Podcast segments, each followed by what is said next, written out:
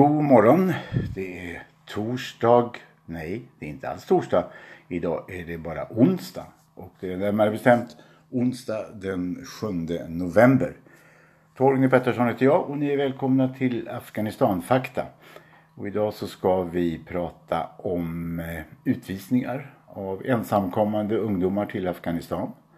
Och vi ska också prata om eh, identitetsproblem när det gäller att som ensamkommande bevisa att man faktiskt är den man säger att man är. Välkommen till ett nytt avsnitt av Afghanistanfakta. Jag vill börja med eh, situationen i Afghanistan. Där vi ju idag vet att det är en krigssituation. Vi vet att många människor mördas. Vi vet att många människor skadas. Och enligt de internationella uppgifter som finns ifrån olika organisationer och myndigheter så räknar man med att 2018 förmodligen kommer att bli det blodigaste året i det afghanska krigets historia. Eh, trots detta, att situationen är som den är, så fortsätter det svenska migrationsverket att hejdlöst verkställa deportationer just till det här landet i krig. FN, Röda Korset, Unama, eh, regeringar på olika håll i världen konstaterar att Afghanistan är ett land i krig. Och vi ska inte utvisa människor till ett land i krig.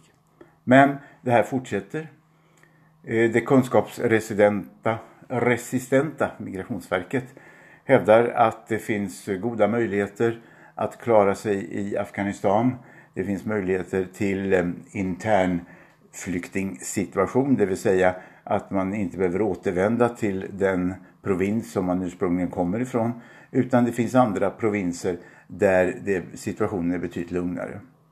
Men eftersom vi har gjort sammanställningar nu under över ett år eh, om eh, de våldsbrott, de terrorbrott som sker i Afghanistan så vågar vi med säkerhet påstå att det finns inte någon, eh, något distrikt eller någon provins i Afghanistan som är säker.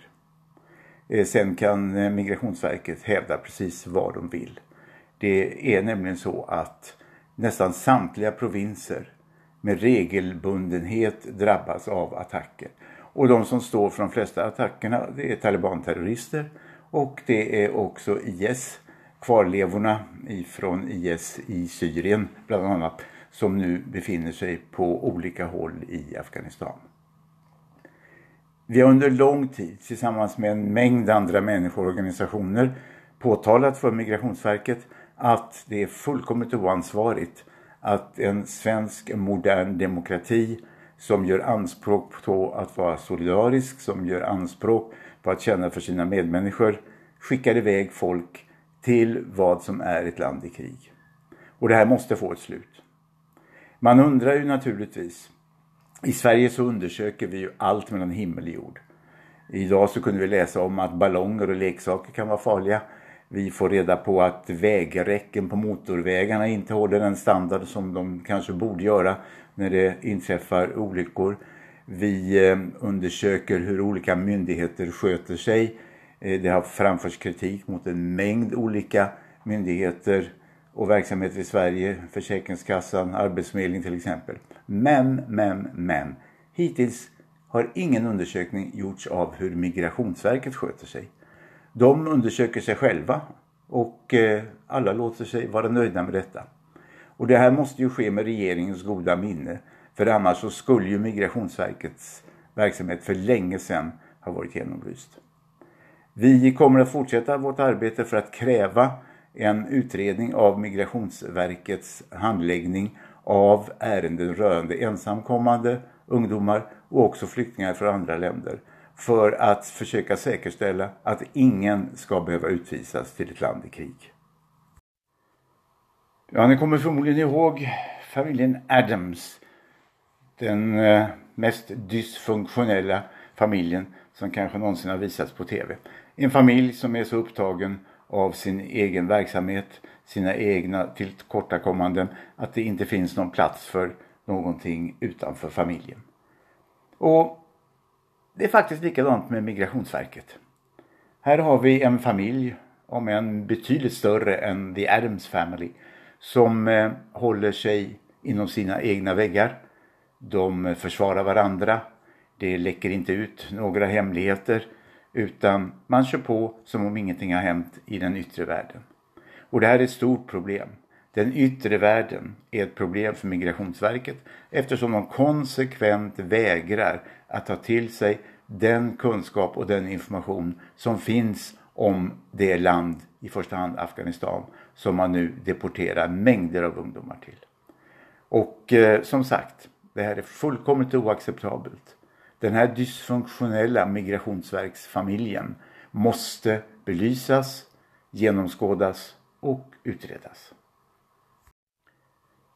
Tänk dig själv om någon skulle säga till dig att eh, du inte är den du påstår att du är.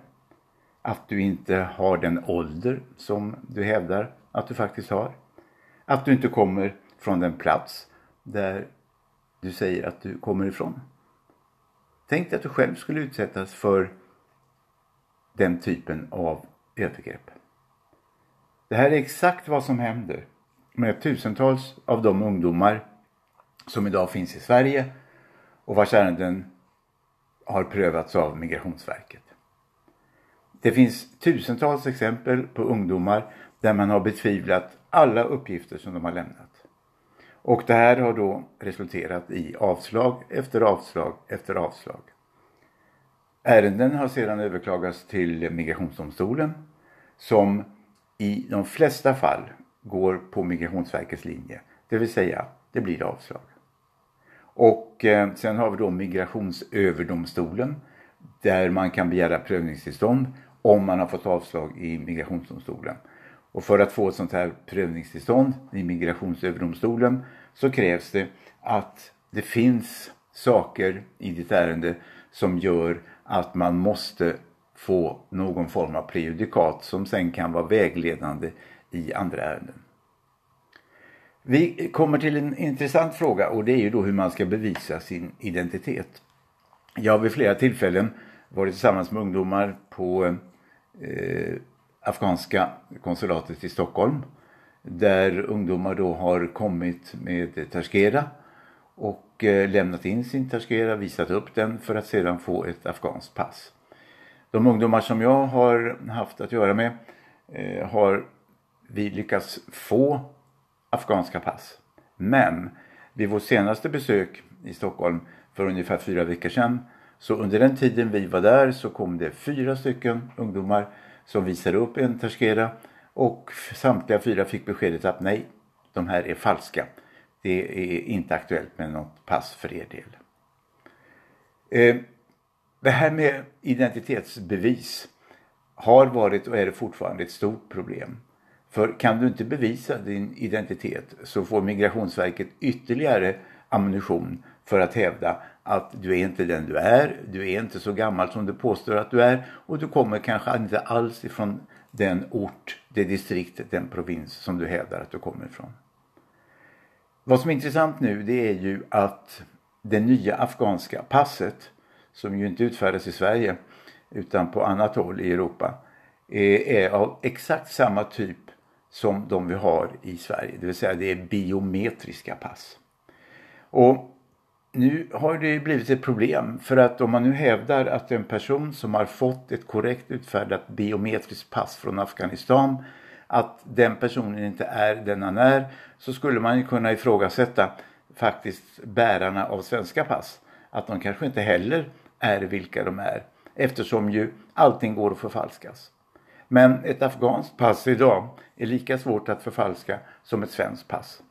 Så är du lycklig innehavare av ett godkänd Tashkera och ett godkänt afghanskt pass så är nästa steg för dig om du har blivit åldersuppskriven eller åldersnedskriven att kontakta Skatteverket ta med dig de dokument du har som bekräftar din faktiska identitet och kräva att din ålder i systemet eh, faktiskt ändras.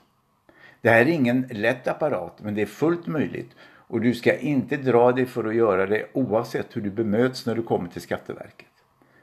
För att få din ålder nu då ändrad, vilket är mycket, mycket viktigt eh, i alla sammanhang, inte minst för framtida bruk, så kom ihåg att du måste stå på dig. Du får inte ge upp. Eh, du ska också vidare absolut inte lämna ifrån dig Terskera eller pass i original till Migrationsverket eller någon domstol. Utan vad du lämpligast gör för att förvissa dig om att Terskera och pass fortfarande finns i din kontroll så går du helt enkelt till notarius publicus och ber han eller hon på den ort där det finns att vidimera kopior av Terskera och pass. Vi har gjort det här och det fungerar alldeles utmärkt. I ett fall så lämnade vi in en vidimerad Terskera-handling till Migrationsverket eh, i samband med att vi begärde eh, under, som det heter, undantag ifrån arbetstillståndsbestämmelserna. Och eh, den här personen i fråga fick sitt arbetstillstånd eh, med en vidimerad kopia ifrån Notarius Publicus. Så kämpa på, ge absolut inte upp.